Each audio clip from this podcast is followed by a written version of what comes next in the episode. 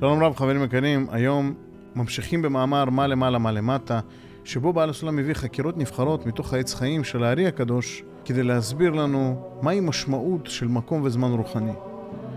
ועל הדרך להסביר לנו הרבה דברים לגבי תפיסת המציאות שלנו, לגבי התפקיד שלנו בעולם, פה דברים משמעותיים שלפני שבעל הסולם פרס אותם לפנינו, היו נחשבים למיסטיקה יהודית.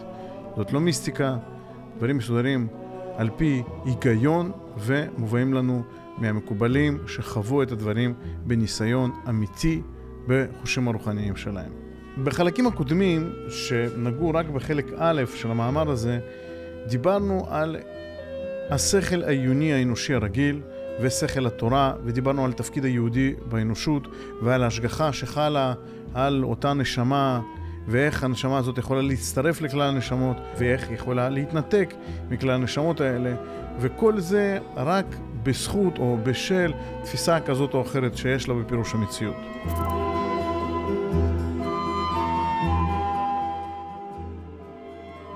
הביא לנו בעל הסולם את הזוהר שמפרש את שיר השירים, שגם מביא אותו אה, רבי חיים ויטל, שכותב את דברי הארי הקדוש, ככה שרשרת הדורות, החכמים הגדולים ביותר של העם שלנו, מובאים לנו פה בתוך uh, כמה פסקאות, והמאמר ההוא בזוהר מפגיש אותנו עם סיפור, שבו נשמה עולה לבית דין של מעלה, אחרי שיש לה הרבה מעשים טובים, אבל אין לה שום הכנה בהכרת או ידיעת סודות אדונה. ועל כן היא מגורשת מהמקום העליון ההוא כדי שתחזור לעולם, תחזור בגלגול, לחפש את אותם בתי מדרשות, אותם האנשים שהם לא נחשבים בחברה האנושית כי עוסקים בלשמה, ולשמה זה לא משהו שאנחנו רוצים להתעסק בו באופן טבעי, כדי שתוכל ללמוד מהם.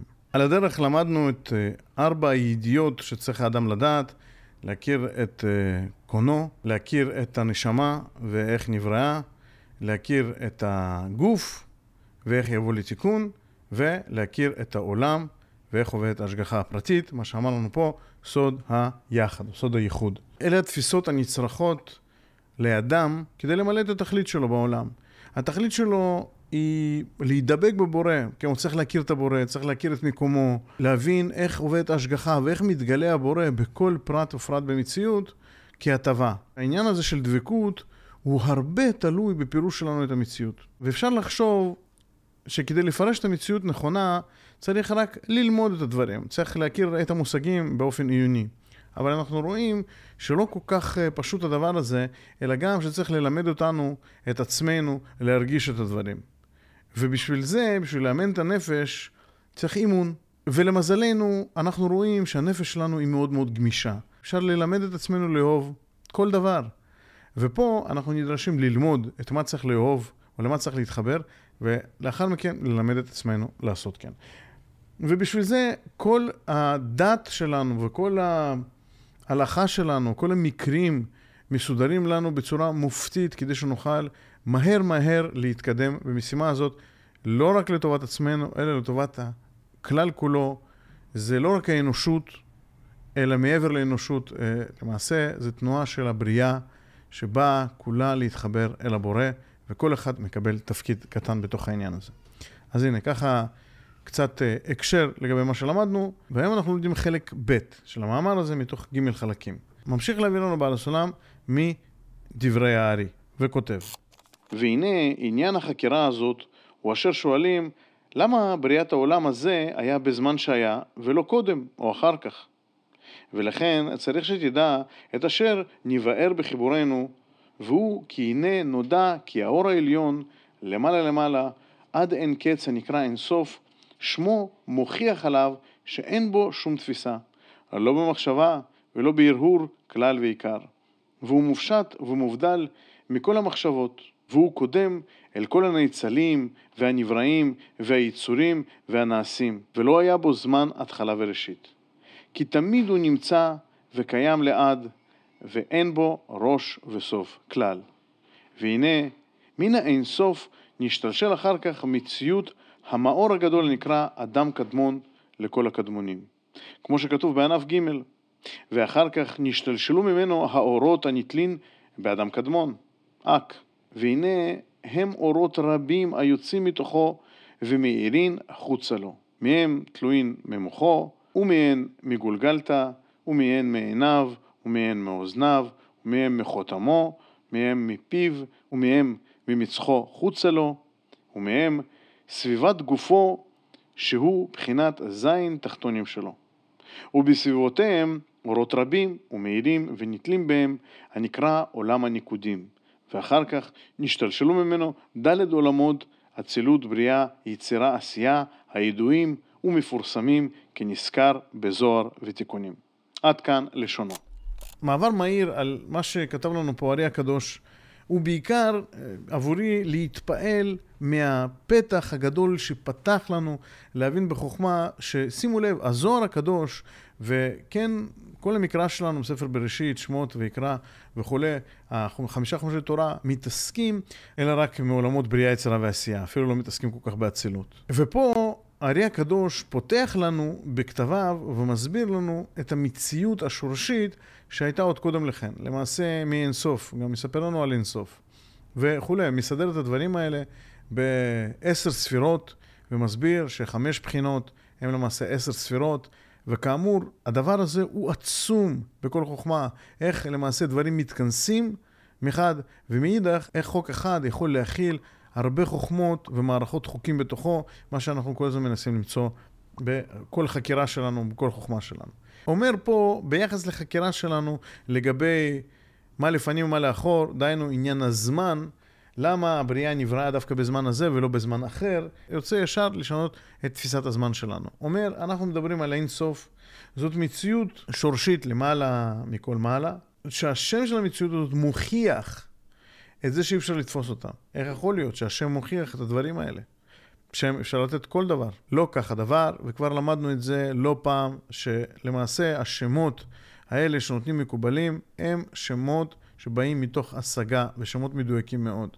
על כן, הדבר הזה שנקרא אין סוף, זאת מציאות שהרצון לקבל, הסופיות הנתפסת על ידינו, לא עושה סוף. ואומרים לנו שאין מחשבה תפיסה בכלל וכלל, וזה דבר שצריך לתת לו אה, הרחבות או הקדמות רבות. אנחנו לא עוסקים בזה במאמר הזה. מציאות אין סוף, כדאי ללמוד בפתיחה לחוכמת הקבלה, בתלמוד עשר ספירות. תלמוד עשר ספירות, ממילא הוא מפרש את דברי הארי. הסביר לנו את המציאות הזאת. אומר שאין סוף הוא מציאות שהיא מופשטת מכל פרטים, וכמובן מכל תפיסת זמן, כפי שהיא מוכרת לנו, ולמעשה גם מזמן בתפיסה הרוחנית שלו. אין זמן, הכל שלם. יש אחדות. ומאין סוף הזה מתפתחת מציאות של מה שקורא לו נאצלים, נבראים, אה, יצורים והנעשים, או בצורה אחרת אומר על מציאות או על פרצוף אדם קדמון, שהוא למעשה הפרצוף הראשון שיוצא אחרי הצמצום, לאחר הבחירה ביתר דבקות שגורמת לצמצום, ואז כתוצאה מצמצום יש את עולם הקו, והפרצוף הראשון הוא אדם קדמון, ומשם מתפתחים ומשתלשלים העולמות שאנחנו לומדים, וכל אחד מהם מגלה לנו מערכת אחרת וכולי.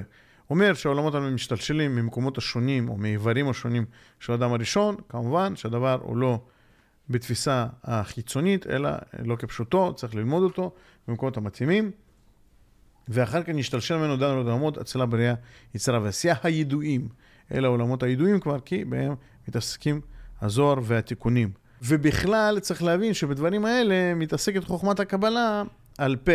אבל מבחינת הספרים שמתעסקים ורושמים את החוכמה הזאת בצורה יותר שלמה, זה הזוהר והתיקונים, כאמור כאן. אז הנה, קצת הביא לנו את הדברים האלה של הארי הקדוש, ועכשיו בעל הסולם רוצה לקחת אותנו הלאה ולהסביר לנו את הדברים בהמשך. בואו נראה. כותב, והנה עניין החקירה הזאת וכולי, למה בריאת העולם הזה היה בזמן הזה שהיה וכולי, יישמר לך לבל לטעות. שהכוונה על גבול הזמן המדומה הגשמי, חס ולהזכיר, כי כל שלמעלה מעולם הזה כבר הוא רוחניות גמורה למעלה מהמקום ולמעלה מהזמן. ולא שפל מצורת אור השכל שלנו, שאין נוהג בו מגבולים הללו כלל ועיקר. שהרי אפילו האופנים שבעולם העשייה כבר הם רוחניות גמורה, כמו שהזהיר אותנו הרב בכמה מקומות. וזה לשונו בשאר מאמרי רז"ל בראשית רבה, בדף מ"ה, בפירושו של המאמר זימנין את קריית נשר, וזה לשונו, אין כוונת זימנין על מציאות זמן ממש, כי אין למעלה שינויים חלילה כפי הזמנים. אמנם אומרו זימנין, פירושו בזמן שאנו מדברים בתפארת שבה, ואז נקראת נשר. וכולי, עיין שם היטב, וכן בכמה מקומות. אלא, כמו שנתבהר בכמה מקומות, שאין בעולם הזה שום מהות והנהגה, ואפילו השגה קטנה שלא תהיה נמשכת מעולם העליון ממנה, כמו ענף משורשו, וכן עולם העליון מעולם שעל העליון, שזהו סוד גבוה מעל גבוה שומר וכולי, מקהלת. אלא שבעולם הזה נמצאת בחוקי השגת המוח המדמה הגשמי, ובעולמות העליונים, בחוקים רוחניים, המושגים רק לבאים בסוד השם, בסוד הכתוב ביד הנביאים אדמה, ומשום זה מצאו בהם חכמי האמת אמצעי טוב למסור השגותיהם הקדושות שבעולמות העליונים, מדור אל דור, על פיהם של ענפים הללו שבעולם הזה. להיות שביניהם ערך אחד, ועל דרך שפירש הרב בשאר מאמרי רז"ל, הנ"ל, בעניין זימנין שמביא התיקונים, שהוא בסוד תפארת שבנוקבה. בואו נעצור כרגע ונבין, בעל שלום מנסה להגיד לנו פה דבר מרכזי אחד. אומר לא להתבלבל בתפיסת הזמן הגשמי כשאנחנו קוראים את הדברים האלה. כבר אמר לנו את זה בתחילת המאמר. כבר אמר לנו שאין בעלי משנה עוסקים בדברים גשמיים. ופה יש לנו קצת יותר פירוט על העולמות. רוצה להגיד, תראה, אתה תופס את הזמן הגשמי רק בתפיסת המציאות שלך. דהיינו, התודעה שלך מסודרת בצורה כזאת, שאתה תופס את הזמן הגשמי בצורה כפי שאתה תופס אותו. וזה עניין מאוד מעניין כשלעצמו, אפילו תפיסת הזמן הגשמית. אם אנחנו חושבים עליה, זו תפיסה של תנועה. ואיזה תנועה אנחנו מגלים שהיא קבועה לכל האנשים במציאות? תנועות קוסמיות, תנועות של הקוסמוס, של הכוכבים והפלנטות. ו...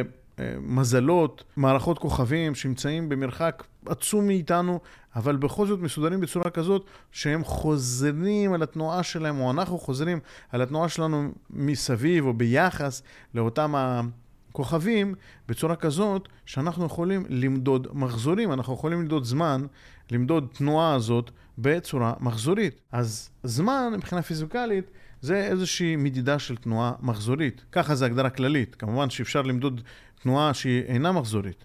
אבל כדי שאנחנו נוכל למדוד מחזורים במציאות שלנו, ואנחנו רואים שהמציאות שלנו מסודרת לפי מחזורים, וכדי שאנחנו נוכל להתייחס ליחידות של מדידת זמן, אנחנו צריכים מחזורים כדי בעצם לקחת את המחזור הזה ולחלק אותו לחלקים שונים, כי מחזור הוא איזושהי תנועה סופית, כן? אנחנו מתחילים מנקודה מסוימת, עושים תנועה וחוזרים לאותה נקודה. אפילו ש... אנחנו רואים שהתנועות הן ספירליות ויש התפשטות, יש כל הזמן גדילה או יש כל הזמן התקדמות למקום חדש. זה באמת עוד מימד שיש לזמן. אנחנו רואים שזמן מביא איתו התפתחות. לא רק התפתחות אה, טכנולוגית שאנחנו רואים, גם התפתחות נפשית שאנחנו רואים במציאות, שאנחנו יותר, הרבה יותר מתייחסים היום לנפש, אלא גם התפתחות כללית, מערכתית, קוסמית, אם אתם רוצים. וכשאני אומר קוסמית, אני מתכוון לכללות של כל המערכות שאנחנו יכולים לתפוס, שמצביעה על הכלל שמנהל אותם. דהיינו, אני לא מדבר עדיין על איזושהי תנועה רוחנית שמנהלת את כל הדברים האלה, אני מדבר על הביטוי של אותה תנועה, או של אותו כלל רוחני, שמנהל את כל הדברים בצורה מופלאה. שמנהל את כל הדברים בתפיסתנו, הגדולים והקטנים, בצורה מופלאה, ומשם השם היווני שלו, קוסמוס, ממילה יפה. גם קוסמטיקה זה מאותו שורש. בכל אופן, זאת תפיסת מציאות הזמן הגשמי. אני זוכר אתמול מצב כזה, והיום אני רואה מצב אחר, והמדידת ההפרש בין המצבים נתפס אצלנו כזמן. על כן גם הזמן נתפס אצלנו בצורה שונה בנפש. אה, כשמשעמם זה ארוך, כשמעניין זה מהיר. אומר לנו, לא מדובר על תפיסת הזמן הזאת. יותר מזה, כשאנחנו מדברים על עולמות אצילות, בריאה, יצירה ועשייה, עשייה הוא העולם התחתון, אבל גם בעולם העשייה הזמן הוא רוחני, ולא תפיסת הזמן הזאת שלנו, שהיא בתודעה הגשמית שלנו, בפירוש הגשמי שלנו את העולם העשייה, שאנחנו אה, נמצאים בתחתית עולם העשייה, בנקודה תחתונה של עולם העשייה. אבל עולם העשייה והזמן שיש בתוכו הוא רוחניות גמורה. מה עוד אומר לנו בעניין הזה? מביא לנו ראיות מבראשית רבה, ששם מביא מילה זמנים, שמביאים חז"ל, ואומר הארי הקדוש, לא מדובר על זמנים כפי שאנחנו תופסים אותם, אלא מדובר על תפארת שבנוקבה. צריך ללמוד שם במקומו. זאת אומרת, הוא עושה מעבר, המרה מאיזשהו מושג גשמי, או לפחות ככה אנחנו תופסים אותו ברגיל, לאיזשהו מושג שהוא רוחני, מדבר על עולמות עליונים, אז הוא ודאי רוחני. ואומר לנו בעל הסולם, וזה הדבר השני שאני רוצה להגיד, שימו לב, מכיוון שהעולמות בנויים בצורה כזאת, שהעליון מחתים חותמו בתחתון, ותחתון והעליון מתנהגים, מתנהלים לפי אותם חוקים, רק עם חומרים שונים, על כן, גם מציאות הזמן הגשמית היא נחתמת מאיזשהו חוק בעליונים. כענף משורשו. אז אם זה ענף, אז החכמים מצאו לעצמם להשתמש בענף הזה בצורה מדויקת, שתצביע על עניינים רוחניים, שמביא לנו הארי הקדוש, שזמנים, הכוונה, ותפארת שבנוקבה. נכון, כבר למדנו את זה, ופה נותן לנו דוגמה איך משתמשים בענף שהוא הזמן להצביע לאיזשהו שורש. אז אנחנו צריכים כל הזמן להזכיר לעצמנו שלא מדובר על זמן גשמי. יש איזו הערה שכותב לנו בעל הסולם בכתב יד קודשו, רושם, מקושיית העץ חיים, אותה קושייה שאנחנו לומדים עכשיו, בבריאת העולם בזמן הזה ולא קודם, ובאמת אין קושייה. דאין לנו תפיסה טרם שנברא הזמן. והזמן ומקום ומתנאיה נבראים ביחד. ומי ייתן לנו חוש כזה שישיג הזמן וישיג גם כן את הלמעלה מהזמן. כי הם בית הופכיים בזמן אחד או במקום אחד. וההיעדר הוא כאן כמו הופכי מהוויה, כמו ההן ולאו. ואף על גב שהשכל אינו מלובש בזמן ומקום, אמנם כל תורת השכל מוגבלת בחושים ודמיון, ולא זולתם, אשר השכל ייכזב בהופכיים שבדמיון. ההערה הזאת של בעל הסולם היא כל כך משמעותית, יש פה כל כך הרבה מה ללמוד. תראו, אומר שאין פה קושייה בעניין של בריאת הזמן, כי אומר, לפני שנברא הזמן, אין לנו מה לדבר על הזמן. או לפני שנבראה אה, מציאות של תפיסת הזמן. כי אומר לנו פה, ואמר לנו את זה גם קודם, שמציאות המושג והמשיג נבראים ביחד, כי הם חלק מאותו עניין. הוא אומר, ומי ייתן לנו חוש כזה שישיג הזמן וישיג גם כן את הלמעלה מהזמן. מזכיר לנו שיש לנו קושי לתפוס הופכיים בעניין אחד, בנושא אחד. אנחנו לא יכולים uh, לדמיין את שתי הקצוות של הספקטרום ועדיין לקשר אותו לדבר אחד. קשה לנו. ועם זאת, אומר שמציאות השכל היא באמת למעלה מזמן ומקום. שכל, הכוונה תפיסה עיונית, רעיונית, תפיסת האידאות. ברעיון, זה יכול להיות. רק מה, אומר שהשכל האנושי מלובש בדמיון הגשמי, ודמיון הגשמי קשה לו מאוד לתפוס הפכים. הוא תופס הפכים כמו שאם יש פה דבר, אז ההפך שלו זה היעדר מלא, וזאת טעות גדולה של הפילוסופים. וכבר הסביר לנו בעל הסולם שאין דבר כזה ריקנות במציאות. זה ממש תפיסה גשמית מאוד, שיש ריקנות במציאות. כדי להסביר את זה יותר, אנחנו צריכים להסביר יותר את תפיסת הפילוסופים. אבל פה עדיף שניצמד לתפיסה אמיתית. אומר, הדמיון הגשמי, ואנחנו יכולים להרגיש את זה ביום-יום, קשה לו לתפוס איך שני דברים הופכיים הם שייכים לאותו דבר. ברעיון כן אפשר, והרעיונות האלה אנחנו לומדים בחוכמת הקבלה. שעניין הזמן, במקרה הזה, ועניין שמעל הזמן, הם כמו שתי קצוות של תפיסה של הזמן הרוחני הכולל. רק שפה הוא מוגבל בצורה כזאת, ופה הוא בלתי מוגבל, וזה קשה לנו לתפוס. וזה הערה בעניין הזה. ושימו לב, במאמר הזה כרגע אנחנו מתעסקים בעיקר בתפיסות שלנו, הטבעיות, ואיפה הן יכולות להיות לרועץ לנו בתפיסת העולמות הרוחניים. כי כל החוכמה הזאת, מעבירים אותה בצורה כזאת אה, שצריכה להישאר נאמנה ואמיתית, מחד. מאידך, עובדים עם אנשים שאין להם גישה מוקדמת לחוכמה, או אין להם איזשהו אימון בעניין החוכמה, ועל כן אנחנו צריכים להיזהר ולראות שאנחנו מפרשים את הדברים נכון, אנחנו לומדים נכון מהספרים. כי תראו את הסיבוב הזה, שיר השירים לשלמה המלך, שמפרש אותו, אה, בעלי, מפרשים אותו בעלי הזוהר, בזוהר הקדוש, אחר כך מפרש את זה הארי הקדוש, שרושם אותו רבי חיים ויטל, ואחר כך מפרש אותו בעל הסולם, ובסוף זה צריך להגיע אלינו בצורה מדויקת ובלתי מעוותת. על כן, הדיוק פה הוא חשוב, ובזה משקיע מאוד בעל הסולם, ובאמת עושה פריצת דרך גדולה מאוד בלימוד החוכמה בעניין הדיוק של הלימוד שלה. ממשיכים. והנה שורש הזמן, צביונו הרוחני מתחילתו, הוא סוד גילוי מציאות של חיסרון שנתהווה בעולמות, באופן שנצטרך לתקנו.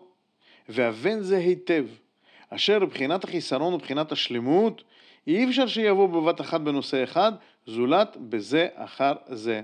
ואם כך, כיוון שנתחדשה נקודת הצמצום בעולמות, שהיא סוד מקום פנוי לכל העולמות העליונים והתחתונים, שפירושו שנעשה מקום לחיסרון אור באופן שיהיה ראוי לתיקון ושלמות, ואם כך נעשתה הנקודה הזו לשורש האמיתי של זמן ומקום עד לעולם הזה, שהרי החיסרון והשלמות אי אפשר כבר שיבואו בבת אחת במקום אחד, ובהכרח הוא שיבואו בבית מקומות ובבית זמנים.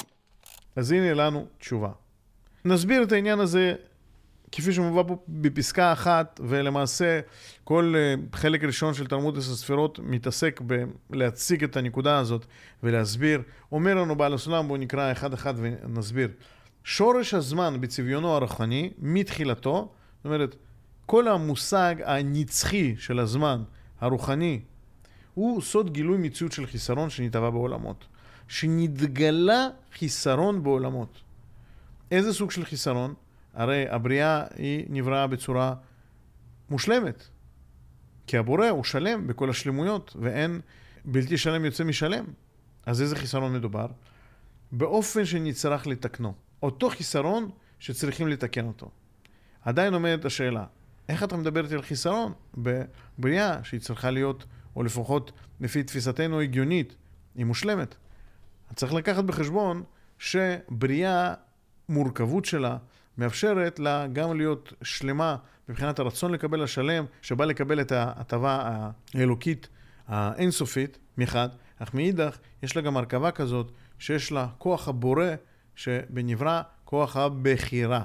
ובחירה הזאת יכולה לבחור להתעלות מעל הטבע של השלמות הרצונית הבריאתית הזאת ולרצות עוד.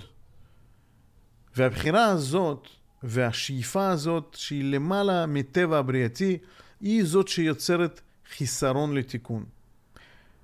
הבחירה ביתר דבקות, שאומרת הבריאה, אני רוצה גם להידמות ולהשפיע לבורא, אני רוצה להידבק בו יותר, אני רוצה שצורה שלי תהיה לא רק לקבל, אלא גם להשפיע כמוהו, כדי שיוכל להיות, להידבק בו בצורה כאילו לעמוד במקום אחד.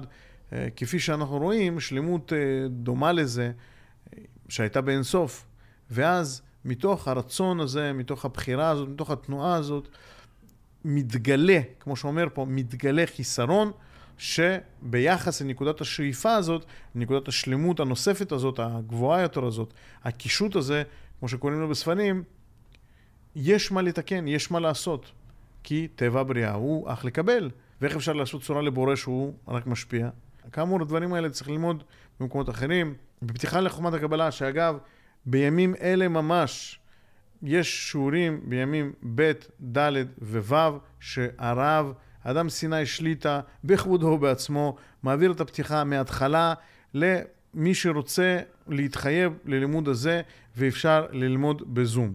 הלימוד הזה הוא גם לגברים בזום אחד וגם לנשים בזום נפרד, ככה שכולם יכולים להצטרף ללימוד הזה מתוך התחייבות ללמוד את הדברים האלה בצורה מדויקת. ראינו שמתגלה החיסרון בעולמות, חיסרון שהוא ביחס לבחינה ביתר דבקות. איך זה קשור לזמן? והבן זה היטב אשר מבחינת החיסרון, מבחינת השלמות, אי אפשר שיבוא בבת אחת בנושא אחד. דהיינו, גילוי החיסרון מצד הנברא, בשביל הנברא, הוא קודם לגילוי השלמות. אם לא נתגלה החיסרון, אני לא יכול לגלות את השלמות שהחיסרון הזה הוא מעין מסתיר אותה, או הוא מכין עבורה. זה מה שאומר, אלא בזה אחר זה. ואם כך, כיוון שנתחדשה נקודת הצמצום בעולמות, אותה הנקודה המדוברת שדיברנו עליה, שהיא נובעת מבחירה ביתר דבקות, ולא בשום פנים אחרת, קודם הבחירה ואחר כך הצמצום, שהיא סוד מקום פנוי לכל העולמות העליונים והתחתונים. מה זה מקום פנוי? מקום פנוי לתיקונים. וברגע שיש מקום, יש מקום למציאות של זמן. אנחנו מדברים ברמה מופשטת על המושגים הרוחניים. מקום הוא רצון. תנועה זה לזוז מרצון אחד לרצון אחר. בצורה פשוטה אפשר להבין אה, בנפש שלנו שאנחנו רוצים משהו אחד ורוצים לרצות משהו אחר. ועושים תנועה מלרצות להישאר במיטה לתנועה לרצות לקום, ללכת לשיעור או אה, לא יודע מה, להתחיל את היום שלנו. פה מדובר על מקום פנוי לתיקונים, זאת אומרת רצון שאנחנו רוצים לתקן אותו אגב הבחירה ביתר דבקות. שפירושו שנעשה מקום לחיסרון אור באופן שיהיה ראוי לתיקון ושלמות. זאת אומרת, מקום שהוא עדיין לא מייצג את השלמות. כי במקום הזה, ברצון הזה, אני לא משתמש בשביל הבחירה של היבט הדבקות. אז זה אומר שבמקום הזה אפשר להוסיף שלמות, הוא יכול להיות שלם, כרגע הוא לא שלם. מקום כזה מדובר. ואם כך, נעשתה הנקודה הזו לשורש אמיתי של זמן ומקום עד לעולם הזה. שהרי החיסרון והשלמות אי אפשר כבר שיבואו בבת אחת במקום אחד. מה זה אי אפשר כבר? כי באין סוף הם באו במקום אחד ובזמן אחד, במציאות של אין סוף. ובהכרח הוא שיבוא או בבית מקומות או בבית זמנים. אנחנו רואים את זה שאנחנו יכולים, אנחנו להיות ולעשות תפקידים שונים במקומות שונים ובזמנים שונים. ופה הגילוי הגדול שהמציאות, או יותר נכון, תפיסת המציאות הזאת שיש לנו היום, היא כזאת שמאפשרת לנו לעשות עבודה בזמנים שונים, במקומות שונים, כדי להוסיף שלמות באיזושהי רמה כללית, במשהו שהוא מעבר למקרה. כל המציאות הזאת היא לא מציאות שצריך לזלזל בה, אלא מציאות של עבודה שבאה לאפשר לנו להוסיף שלמות בתפיסתנו ובמבנה הנפשי של הבריאה כולה. יש לנו פה הערה שכותבים לנו האורחים ואומרים, עניין זה מבואר בהקדמה לפנים מהירות ומסבירות באות י"ב וזה לשונו, לשון של בעל הסולם. כל עניין הצמצום היה רק להתקשטות הנשמות בדבר השוואת הצורה ליוצרם, שהוא עניין התהפכות כלי קבלה על צורת ההשפעה. ובמצב הנזכר נמצא המטרה הזאת עודנה משוללת, הן מצד בניין הפרצופים דקדושה, שאין שם כלום מבחינת חלל פנוי, שהוא צורת גדלות הקבלה שעליה היה הצמצום, ועל כן לא יארע שום תיקון לדבר שאינה שם במציאות. וכן מצד בניין הסטרא אחרא. ודאי אין כאן שום תיקון, אף על גב שיש להם מבחינת חלל פנוי, שהרי עניינה הפוכה לגמרי מקדושה, וכל מה שמקבלת למיתה עומד. ועל כן, אך לאדם דעולם הזה צריכין שבקטנותו מצוי בכלכלה וקיום הסטרא אחרא. ובגדלותו עובר ומתחבר לבניין הקדושה, בסגולת התורה ומצוות, להשפיע נחת רוח ליוצרו, ונמצא מהפך גדלות הקבלה שכבר קנה, שתהיה מסודרת בו רק על מנת להשפיע. שנמצא בזה, משווה הצורה ליוצרה ומתקיימת בה הכוונה. וזה סוד מציאות הזמן בעולם הזה, דאינך מוצא שמתחילה נתחלקו בית הפכים הנ"ל לבית נושאים, נפרדים זה מזה. דהיינו הקדושה והסטרא אחרא. ובסוד זה לעומת זה, שעדיין נשלל מהם התיקון כנ"ל. מפני שמחויבים להימצא בנושא אחד, שהוא האדם כנ"ל. ועל כן בהכרח למציאות סדר זמנים אנו צריכים. שאז יהיה בית הפכים באים באדם בזה אחר זה. כלומר, בזמן קטנות ובזמן גדלות כאמור. עיין גם בהקדמה לספר הזוהר, אותיות י' עד י"ב, פנים מסבירות, ענף א', אות י"א ותעש, חלק א'. תראו איזה סוד מגלה לנו פה בעל הסולם.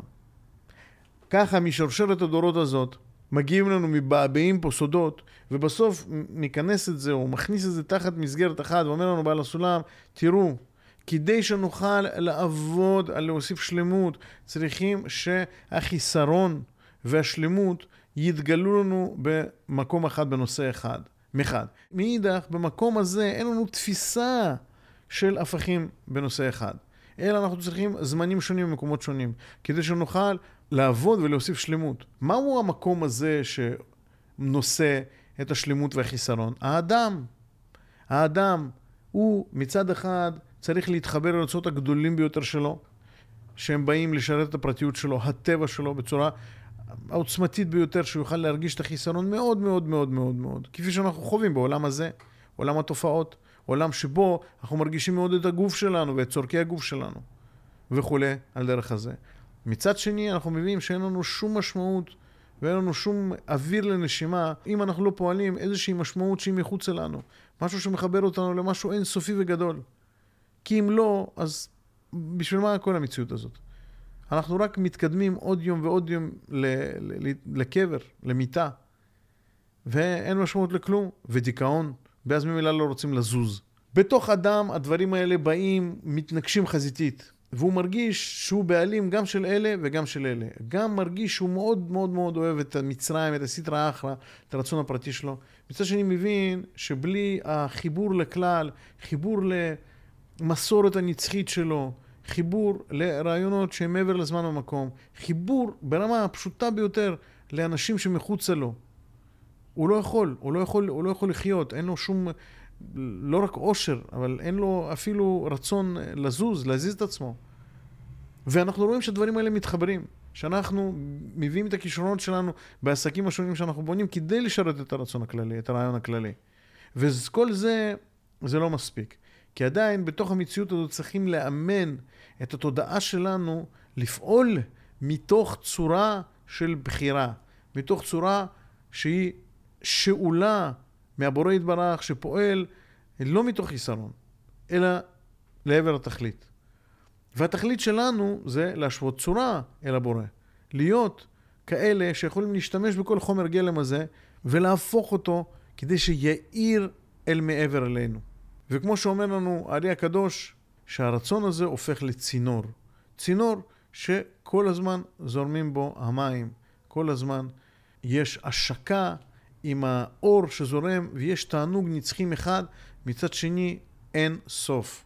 אין סופיות, אלא הצורה שלנו של השפעה היא מאפשרת להיות כמו תווך נקי, והתנועה הנצחית הזאת ממשיכה כל הזמן, התנועה שאדם עושה מהרצון הפרטי שלו אל הכלל, מי הנברא אל הבורא, מי הנברא אל הבורא, תנועה נצחית ומתמדת שמאפשרת את האוטופיה הבריאתית. ככה, בצורה פיוטית כזאת, אני מניח את זה לפניכם על השולחן. אז עד כאן אנחנו עוצרים פה במקום הזה, כי הבנו מה השורש של מציאות הזמן ולמה צריך כל התפיסה הזאת. אנחנו נמשיך ללמוד במאמר הזה עוד כמה שיעורים, עד שנוכל לסחוט ממנו כמה שיותר סודות ולהתחבר לתפיסות ורעיונות של בעלי החוכמה, בעל הסולם, האריה הקדוש, בעלי הזוהר. איזה דבר נפלא שיש לנו את הדבר הזה, שנוכל להידבק בו, להתעלות עליו, כדי שיקח אותנו למעלה למעלה, מתוך מציאות של המקרים הזמנית שלנו. חברים יקרים, אני מזכיר שאפשר להתחבר אלינו ללימוד פתיחה לחוכמת הקבלה עם הרב אדם סיני שליטה בכבודו ובעצמו בצורה בלתי אמצעית, דרך זום, אה, מהבתים שלכם. הלימוד הזה נעשה בימים ב', ד' וו', מ-5 בבוקר עד 6 בבוקר, שעה נוחה לכולם. רק התחלנו, יש קבוצות תמיכה, יש סיכומים, ממש פתח נפלא להיכנס ללמוד על עולמות עליונים, על תפיסות וההשקפות של העולמות הרוחניים בצורה מדויקת, מפי הרב שמסביר את הדברים האלה בצורה מדויקת ועמוקה, מלאת משמעות. צרו קשר עמנו בכל הערוצים האפשריים, ואפשר פשוט לשלוח וואטסאפ לטלפון 050-314-1111. עד כאן.